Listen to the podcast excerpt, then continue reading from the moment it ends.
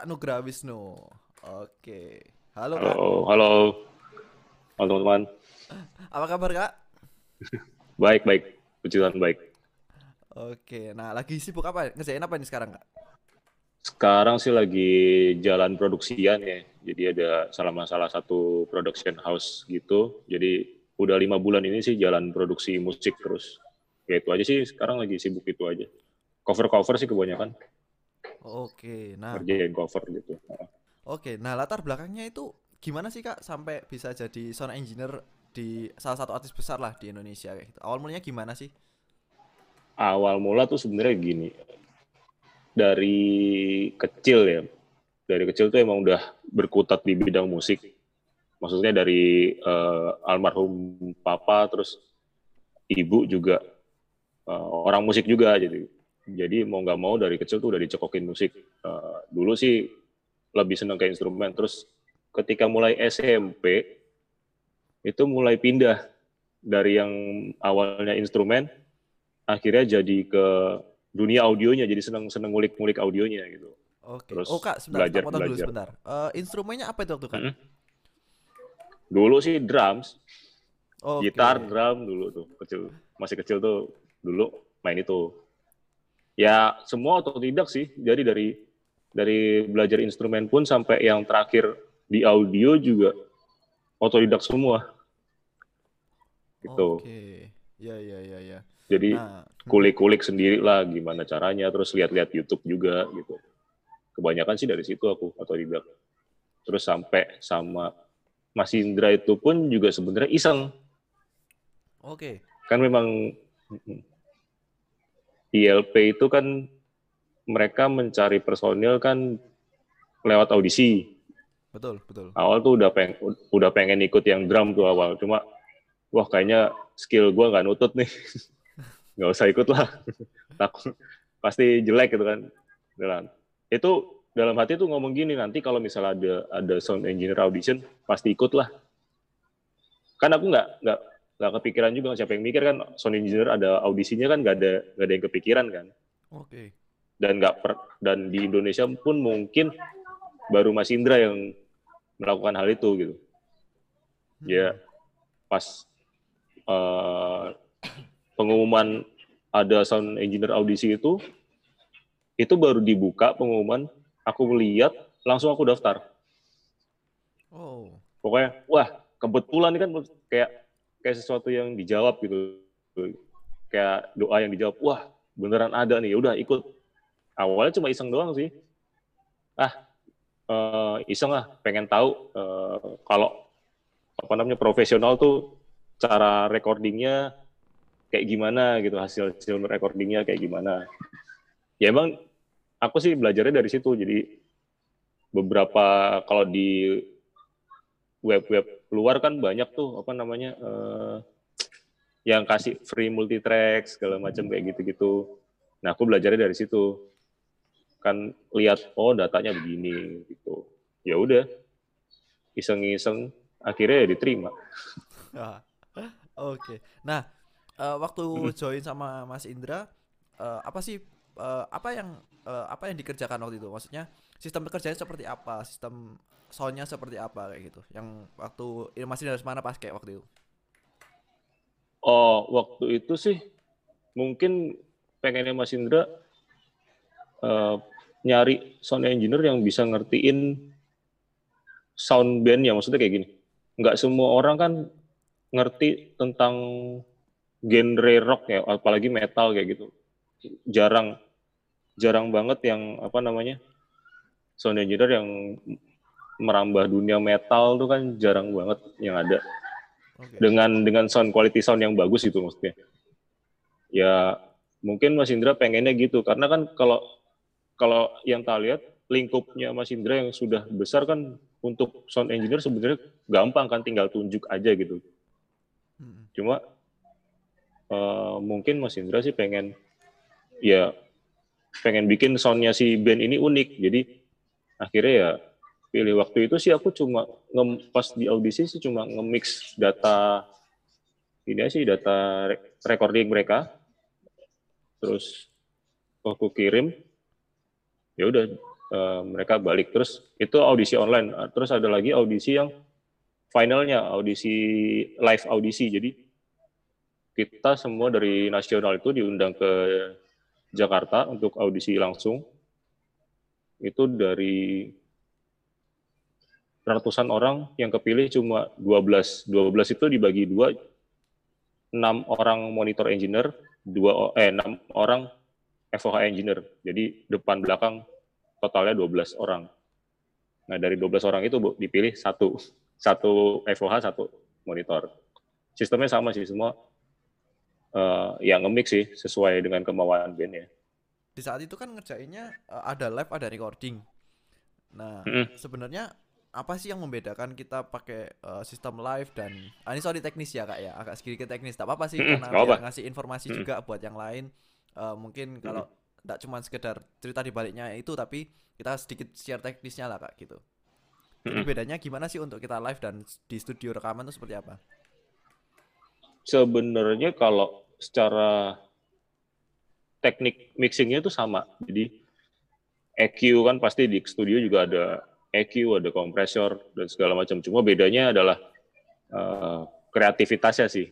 Jadi uh, kalau di studio kan kita bisa pakai banyak plugins yang uh, misalnya mau delaynya ditumpuk-tumpuk atau reverbnya mau banyak atau segala macam kayak paralel kompresor yang berjibun-jibun bisa. Cuma kalau di mixer kan kita terbatas dengan channel-channel yang ada. Ya bedanya sih teknisnya di situ aja. Coba kalau secara keseluruhan uh, sama sih. Dan aku sih dibilangin temanku mending apa ya uh, bagusnya memang orang yang dari studio yang ke live maksudnya gini, ketika orang studio masuk ke dunia live mixing, itu udah pasti soundnya juga bagus. Karena kalau di studio kan mau nggak mau kan dia bersih nih cara cara mixingnya kan mau nggak mau harus bersih. Jadi nggak dia mikirin bukan hanya untuk saat itu juga, tapi kan untuk jangka panjang kan. Karena kalau untuk rekaman kan nggak mungkin sekali dua kali dengerin, tapi kan bisa sampai puluhan tahun didengerin, ratusan tahun juga masih bisa dengerin. Nah, kalau untuk yang live kan ya hanya itu aja gitu. Mungkin bedanya cuma di apa namanya? Di sistemnya, sistem routingnya aja sih paling. Bedanya cuma di routingnya. Di live ya kita harus harus apa namanya? harus tegas sama perkabelan terus harus detail juga ini kabel ini beres apa enggak gitu. Terus kalau sama channel list sih paling paling penting kalau di live itu karena yang dari pengalaman sempet tuh channel list kayak enggak digubris gitu. Jadi udah udah dibikinin channel list nggak dipakai sama sekali gitu. Ternyata pas kita datang, loh kok channel listnya nggak ada gitu. Akhirnya bikin lagi manual satu-satu kayak gitu. Itu sempet sempet terjadi kayak gitu itu sih kalau bedanya bedanya di apa namanya di live sama di studio sih paling cuma bedanya di yang routing perkabelan terus uh, beda-beda speaker gitu aja sih dengernya okay. beda-beda speaker uh, sebenarnya selain uh, ya bisa dibilang tadi dengan tentang uh, bisa parallel compression dan lain-lain bisa macam-macam lah hmm. dari studio bisa bereksperimen hmm. cuman uh, hmm. nah berarti kan uh, masalah juga di live live saat live performing kan uh, kita butuh juga kejar dengan waktu di mana kita nggak bisa mm, bener. Uh, mixing dengan yang lama gitu harus berjam-jam tapi kita oh, harus nggak bisa ya. itu itu gimana sih kak untuk kita menghadapi hal seperti itu itu uh, kalau aku sih biasanya sudah ngapal ya jadi kayak tak apalin uh, ini aku cerita di live audisi ILP itu aku cuma dikasih waktu untuk sound check 30 menit. Jadi dari dari nol sama sekali sampai udah jadi soundnya itu aku nge-EQ kompres segala macam itu 30 menit itu audisi dan memang kejadian ketika di festival pun kayak Synchronize uh, Jogja Rokarta itu mereka pergantian antar band tuh mepet-mepet. Jadi ada yang 20 menit, ada yang 15 menit, ada yang 30 menit. Uh, Jazz Traffic kemarin cukup lama jadi masih enak satu jam kita bisa bisa ngurusin lebih detail. Cuma kalau misalnya dengan waktu yang uh, terbatas itu aku sih biasanya kayak udah tak apalin aja mana uh, biasanya sih high pass dan low pass eh high pass dan low pass ya high pass dan low pass filternya jadi low cut dan high cutnya udah tak gambar duluan. Uh, misalnya kick oh kick biasanya di 30 Hz tak potong atau bass di 60 Hz tak potong kayak gitu itu udah udah tak seluruh channel udah tak gituin dulu. Ntar ketika lagu pertama mulai baru tak EQ itu untuk menyiasati apa namanya waktu lah. Karena kan memang ya kejar-kejaran sih kayak tadi di sinkronis ataupun Jogja Jakarta. Kalau Jogja Jakarta sih masih enak ada ini sih ada ada soundchecknya. Jadi satu hari sebelumnya masih ada soundcheck. Cuma kayak sinkronis kapan hari dia kita tanpa soundcheck sama sekali. Nah yang yang bahaya memang tanpa soundcheck sama sekali gitu. Kalau tanpa soundcheck sama sekali kan istilahnya kita nol bikinnya dari nol ya udah paling sih kalau aku gambar atau kalau dari rentalnya sudah ada uh, sudah sudah bikin template ya udah pakai itu aja dulu. Nanti tinggal disesuaikan lagi. Uh, sebenarnya sound engineer di saat live ini apakah juga perlu tahu tentang sistem manajemen uh, routingnya kak? Uh, routingnya sih sebenarnya perlu juga penting ngerti. Jadi kayak misal ada masalah di kabelnya tuh dia harus tahu juga uh, oh ini berarti dia masuknya ke sini ke sini ke sini gitu. Cuma kalau sampai yang uh, sistem manajemen speakernya dan segala macam ya kalau buat aku sih udah udah beda ranahnya lah itu ada ada lagi namanya sistem engineer. Cuma kalau untuk yang sound engineer live-nya itu dia cuma paling ya ini kayaknya kabel uh, ini channel ini ketukar sama channel ini cuma ya paling ya hanya di situ aja sih nggak sampai yang uh, ngumek-ngumek loud loudspeaker management sistemnya dan segala macam. Jadi cuma hanya di mixernya, terus misalnya ada masalah kabel di mixernya kayak uh, ketuker atau apa itu masih masih aman lah. Sama paling ya kalau nggak ngerti tentang mixernya bisa nanya ke apa namanya orang rentalnya. Gitu doang sih. Uh, ini kan tadi udah banyak share tentang di live ya hmm. kak ya. Jadi mm-hmm. kalau kita di live ya kita kejar-kejaran dengan waktu optimalisasi lah mm-hmm. kayak gitu jadi mm-hmm. nah tapi kalau sedangkan kita sedang ada di studio ini nah sebenarnya apa yang harus diperhatikan sih saat ya dari proses rekaman lah itu kan yang, yang paling penting kayak gitu. Apa yang harus Wah, penting banget. Pertama sih bunyi bunyi suaranya ya. Jadi kayak dari instrumennya tuh udah harus bener dulu. Uh, paling rumit contoh drum lah paling rumit kan memang dengan banyak alat kayak simbal, snare, tom-tom. Itu kan dia paling rumit. Itu pun kita secara miking udah harus bener. Jadi uh, dari awal paling enggak sudah punya visi soundnya mau dibentuk kayak gimana. Terus uh, cara ngambil mikingnya juga harus tahu. Jadi nggak nggak asal gitu. Ketika misalnya udah udah masuk mixing ternyata kok suara snare-nya nggak fokus, pas diinget-inget lagi, oh ternyata mic-nya nggak nggak bener-bener ngarah ke snare-nya atau ke tom-tomnya kayak gitu. Jadi ya kalau di rekaman memang penting banget dari source itu harus detail banget. Jadi contoh kayak vokal tuh biasanya yang yang rada ribet juga. Uh, kadang kita nggak detail dengan suara-suara yang bocor atau pecah bisa juga ada tuh jadi uh, ngepick itu sangat bahaya sih. Uh, paling paling paling penting tuh untuk rekaman ya antara source sama gain udah itu aja sih. Kalau dari source-nya udah bagus, terus di capture dengan uh, mic atau alat yang bagus, ya nanti di mixingnya pun jadi lebih gampang, nggak nggak yang uh, ribet harus di EQ sini sana EQ sini sana. Nggak nggak sampai yang kayak gitu. Paling cuma dipotong dikit-dikit oh udah jadi ya sudah gitu. Malah kadang-kadang kalau kalau dari source sudah bagus nggak usah diapa-apain udah udah enak gitu. Oke. Nah ini yang sering sering jadi perdebatan ini kadang. Jadi sebenarnya kita hmm. harus bikin sound kita itu matang dari depan, dari awal kita recording sudah sesuai dengan yang kita ingin sampaikan di akhir uh, produksinya, hmm. atau ya mentah aja nanti kita kan bisa di mixing lagi kayak gitu. Yang benar gimana kak? kalau aku sih selama uh, kerja dari awal dari 2014 yang di dunia di, di uh, dunia pro itu sih aku memang flat sih. Jadi jadi mentah sama sekali tanpa ada processing. Paling pun processing itu jatuhnya dimasukin ke bus. Jadi bukan bukan hasil rekamannya yang kena processing tapi monitornya aja yang diprocessing. Itu sih.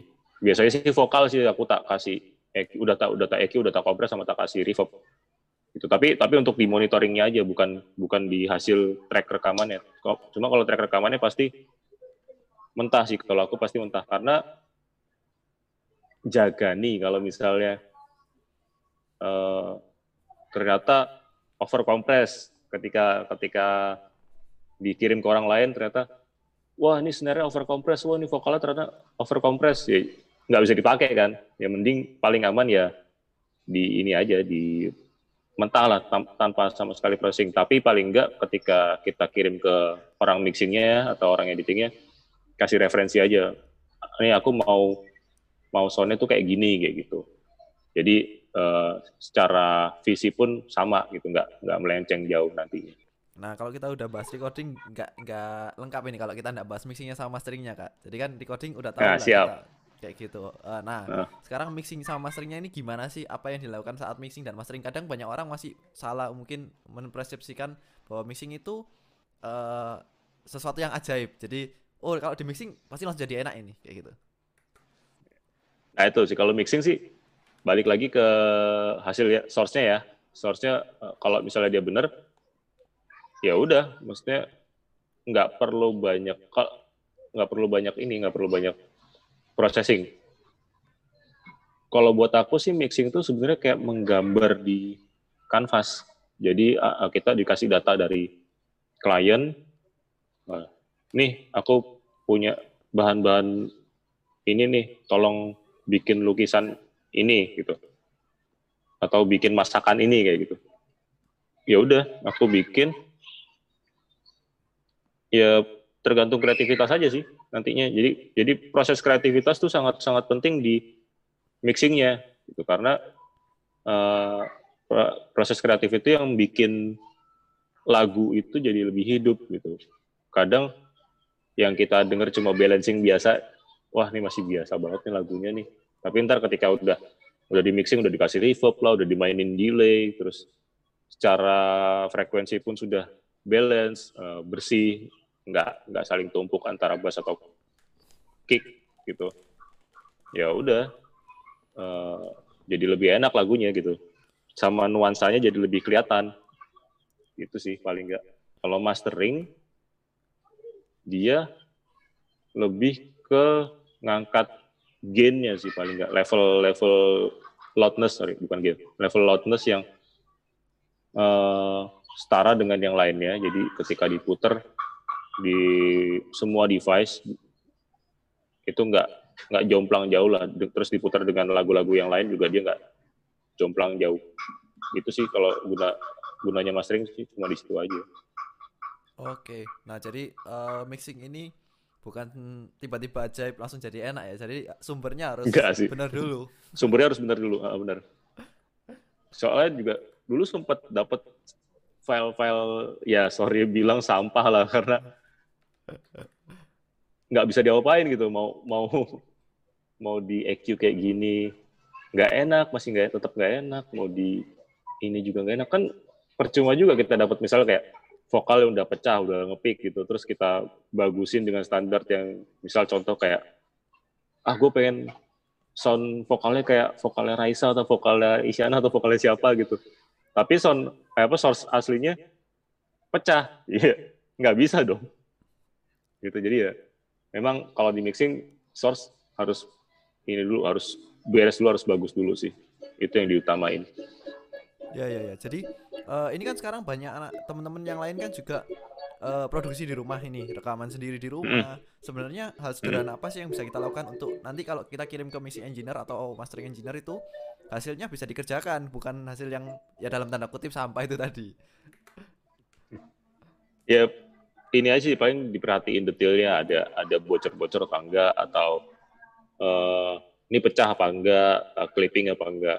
Paling aman sih uh, harus ngecek di ketika kita record tuh harus ngecek gain input yang masuk, sinyal input yang masuk tuh jangan sampai ada merah gitu. Kalau aku sih nyaranin ya hijau kuning-kuning dikit nggak masalah lah kalau warna-warna level meternya kayak gitu. Cuma ya jangan jangan sampai uh, lah suara suara pelan tapi udah udah di level uh, sinyalnya udah kuning gitu jangan sih paling nggak hijau terus nanti pas keras kuning kuning dikit itu nggak masalah sih. Jadi itu masih aman untuk dikirim. Dan biasanya sih yang agak bahaya ini nantinya di sample rate dan bitrate ketika ngirim data. Karena kan nggak semua orang pakai sample rate dan bitrate yang sama.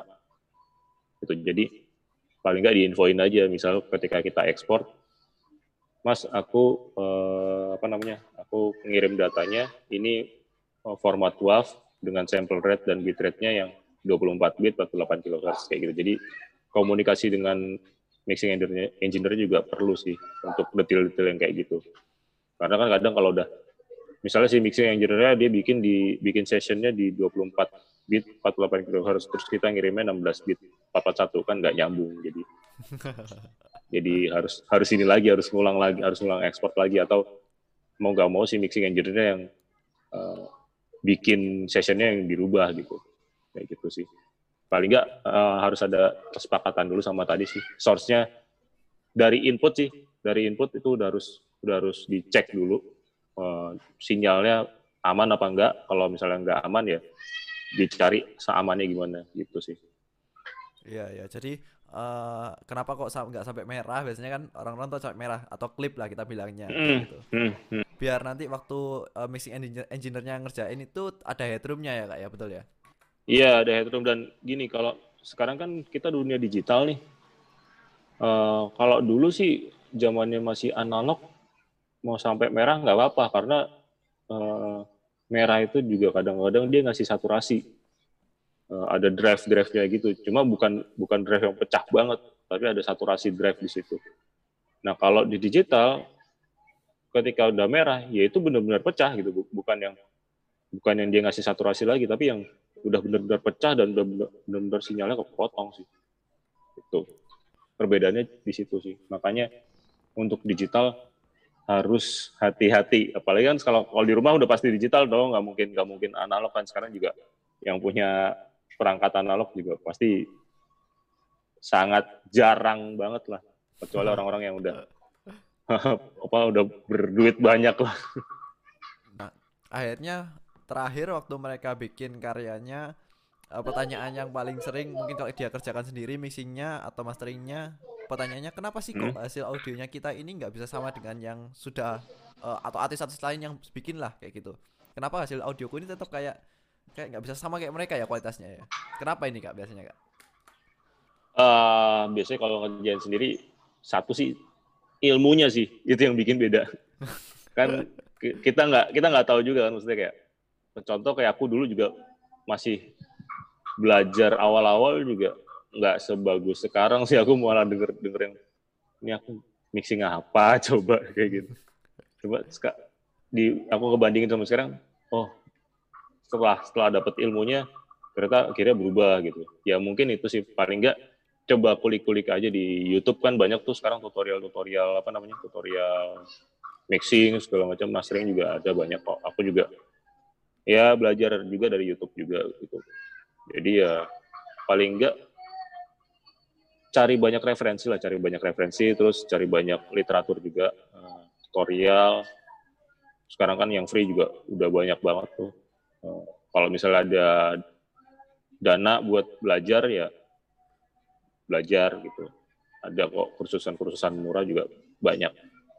Jadi ya paling di ilmunya sih untuk perbedaannya gitu sih. Karena kan kadang kita mau ngejar itu ngejar misal contoh kita mau ngejar uh, ngejar Raisa lah paling gampang. Mau ngejar Raisa tapi kita nggak belum tahu nih ilmunya.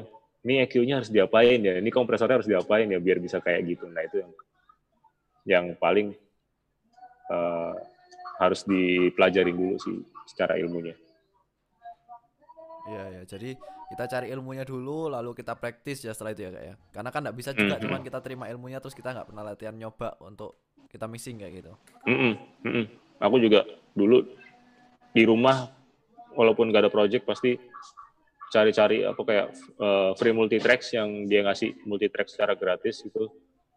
Ya tak download terus tak pakai buat belajar eh, EQ, buat belajar mixing, eh, buat belajar ya buat belajar mixing, buat belajar mastering. Itu sih. Soalnya ya eh, audio tuh perkembangannya lumayan cepet dan tiap bulan tuh kadang bukan tiap bulan sih beberapa ya, tiap beberapa bulan kadang style mixing itu berubah-ubah. Misalnya tahun ini sound sound mixingnya lagi lagi booming. Suaranya kayak gini suaranya kayak gini. Nah itu kita juga harus up to date juga sih. Jadi sering-sering belajar lah praktis Eh sebenarnya kak Wisnu ini referensinya siapa sih kak kalau soal soal engineer itu? kalau sound engineer referensi apa influencer nih Nah dua-duanya dong. Jadi kan kadang ada referensi, ada juga yang sering bertemu Influence, jadi oh. influencer gitu. kalau referensi sih paling kalau Indonesia ya kalau Indonesia tuh Indonesia tuh si Ari Renaldi terus ada Eko Sulistyo yang dia waktu itu perahu kertas. Eh, Om Stefan Santoso juga. Itu apa namanya referensi banget. Terus beberapa anak-anak sekarang tuh yang apa kayak sound engineer eh, ya sound engineer yang kemarin mixing fish juga keren tuh beberapa. Terus kalau luar sih, aku Chris Lord Eld, CLA, TLA, terus sama Andrew Seps, itu mereka sound engineer rock sih kebanyakan. Andrew Iya, Seps tuh pernah ngerjain Adele, pernah ngerjain Metallica juga. Terus kalau si TLA tuh yang dia ngerjain live live mixnya live live concert ya sorry mixing mixing live concertnya One Ok Rock itu kalau CLA dia sempat ngerjain Muse Green Day juga My Chemical Romance ya aku terinfluence kalau dari luar sih tiga orang itu sih sekarang juga lagi ini sama Andrew Seps lagi terinfluence banget sama Andrew Seps jadi apa namanya cara mixingku juga mulai niru Andrew Seps gitu sih Jadi pakai banyak chain gitu ya dia biasanya. Mm-mm. Jadi ya chainnya chainnya ikut sih. Jadi dia waktu itu aku sempat uh, buka-buka terus dapat template-nya dia, template uh, session template mixingnya dia. Ya tak lihat oh dia chainnya seperti ini kayak gitu. Ya itu sih. Jadi akhirnya ah coba ah, cocok nggak di di apa namanya di produksi yang tak bikin gitu. Kalau ternyata ya cocok-cocok aja sih. Jadi jadi ngerubah ngerubah beberapa cara mixing gitu. Dari berapa bulan ini ya kebanyakan sih udah berubah-ubah sih. Kadang aku pakai eh, caranya CLA, kadang pakai caranya Andrew Seps gitu. Berubah-ubah. Tergantung moodnya aja lagi pengen bikin soundnya ke mana gitu. Eh sebenarnya pertanyaannya gini, mungkin kadang eh sound engineer ini apakah juga bisa ya harus bisa main musik juga enggak sih kayak gitu? Atau kita nggak perlu bisa main musik tapi bisa jadi sound engineer kayak gitu? Nggak perlu juga sih sebenarnya. Yang soal banyak juga sih maksudnya kayak sound engineer yang bukan pemusik tuh juga banyak gitu.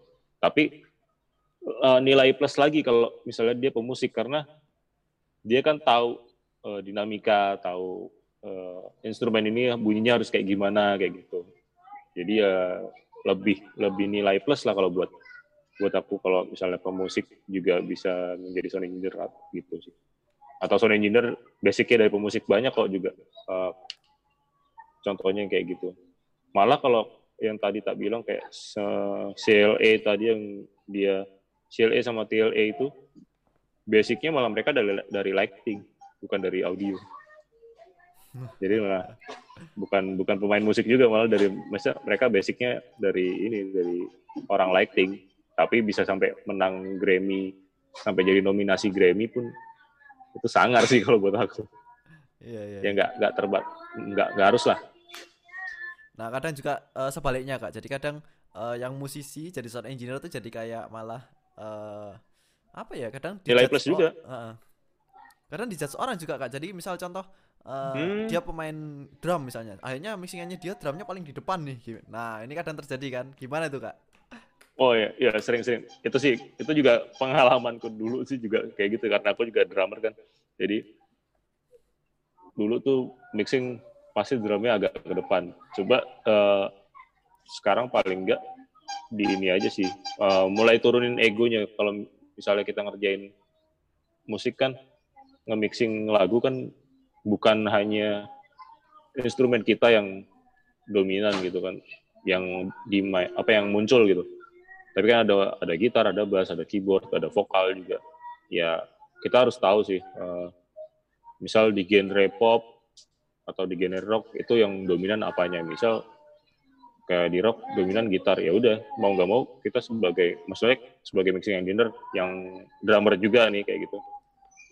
Mau nggak mau, ya udahlah gue turunin drumnya. Soalnya kan uh, bukan yang utama atau misal kalau di pop drumnya pasti di belakang di belakang gitu bukan bukan yang bukan yang noncok di depan gitu. Ya udahlah gue di belakang, uh, vokalnya harus di depan gitu karena karena kan orang kalau lagu-lagu pop kan yang didengerin vokalnya bukan drumnya gitu. Jadi ya, ya harus nurunin ego sih paling enggak. Jangan jangan jangan mentang-mentang pemain drum atau pemain keyboard atau pemain gitar, main bass uh, dia pengen sound instrumennya dia ini sendiri kencang sendiri jangan jangan sih. Soalnya juga kan itu nanti jadi portofolio juga hasil mixing kita. Kalau misalnya rata misalnya dari kita mixing 10 lagu tapi semuanya sama kayak misalnya gitarnya kencang semua gitu padahal lagunya lagu pop gitu. Ya nggak enak kan jadi akhirnya nggak dipakai orang lagi. jadi sebenarnya uh, kalau pesan dari Kak Wisnu ini gimana Kak? Jadi untuk mungkin teman-teman yang lain baru belajar jadi sound engineer, baru mulai ngulik, baru belajar tentang audio, uh, mulai dari mana sih kita harus belajar gitu? Uh, mulainya paling dari dengerin dengerin lagu sih. Kalau aku sih dengerin dengerin lagu uh, yang tak dengerin tuh biasanya soundnya oh oh ini soundnya kayak gini. Paling ya ATM sih kalau dulu amati tiru modifikasi kan.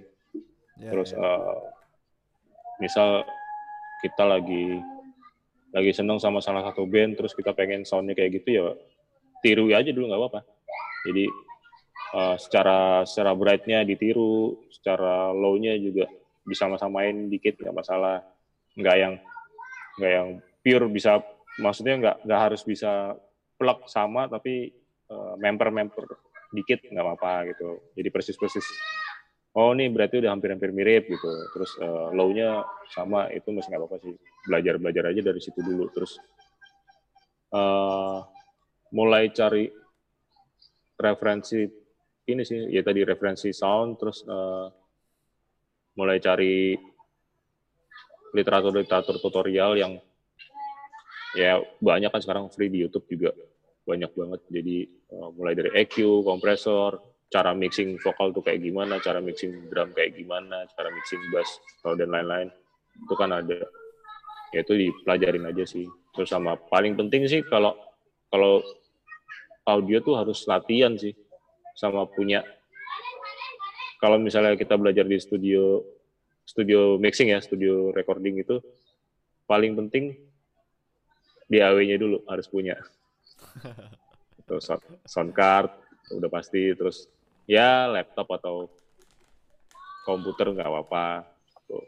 Maksudnya nggak nggak perlu nggak perlu yang mahal kok Eh, nggak perlu yang sekarang sound card murah juga banyak terus eh, aku pun juga sekarang pakai spek laptop bukan yang tinggi-tinggi banget. Ya, yang penting bisa buat eh, kerja DAW dan produ- produksi ya aman lah gitu. Nggak nggak perlu yang harus keluar budget ekstra mahal-mahal gitu. Nggak harus punya speaker atau segala macam. Jangan kalau untuk awal jangan dulu lah kalau buat aku sih. Eh, kalau misalnya punya dana untuk bisa beli speaker dan segala macam ya monggo silahkan tapi sesuaikan dengan kebutuhan juga sih dan apalin bunyi speakernya sih kalau aku sih bunyi speaker baik entah itu pakai headphone atau entah pakai speaker monitor itu paling enggak dia apalin bunyinya Iya, jadi iya. ntar ketika mixing jadi lebih gampang Oke, jadi eh, Jadi- pertama ya kita harus dengerin dulu lagunya ya kak ya. Jadi kalau kita nggak tahu lagunya, gimana Oh. kita bisa mixing kayak gitu? I- Iya makanya kalau kalau nggak dengerin dengerin lagu tuh bingung juga mau mixingnya gitu.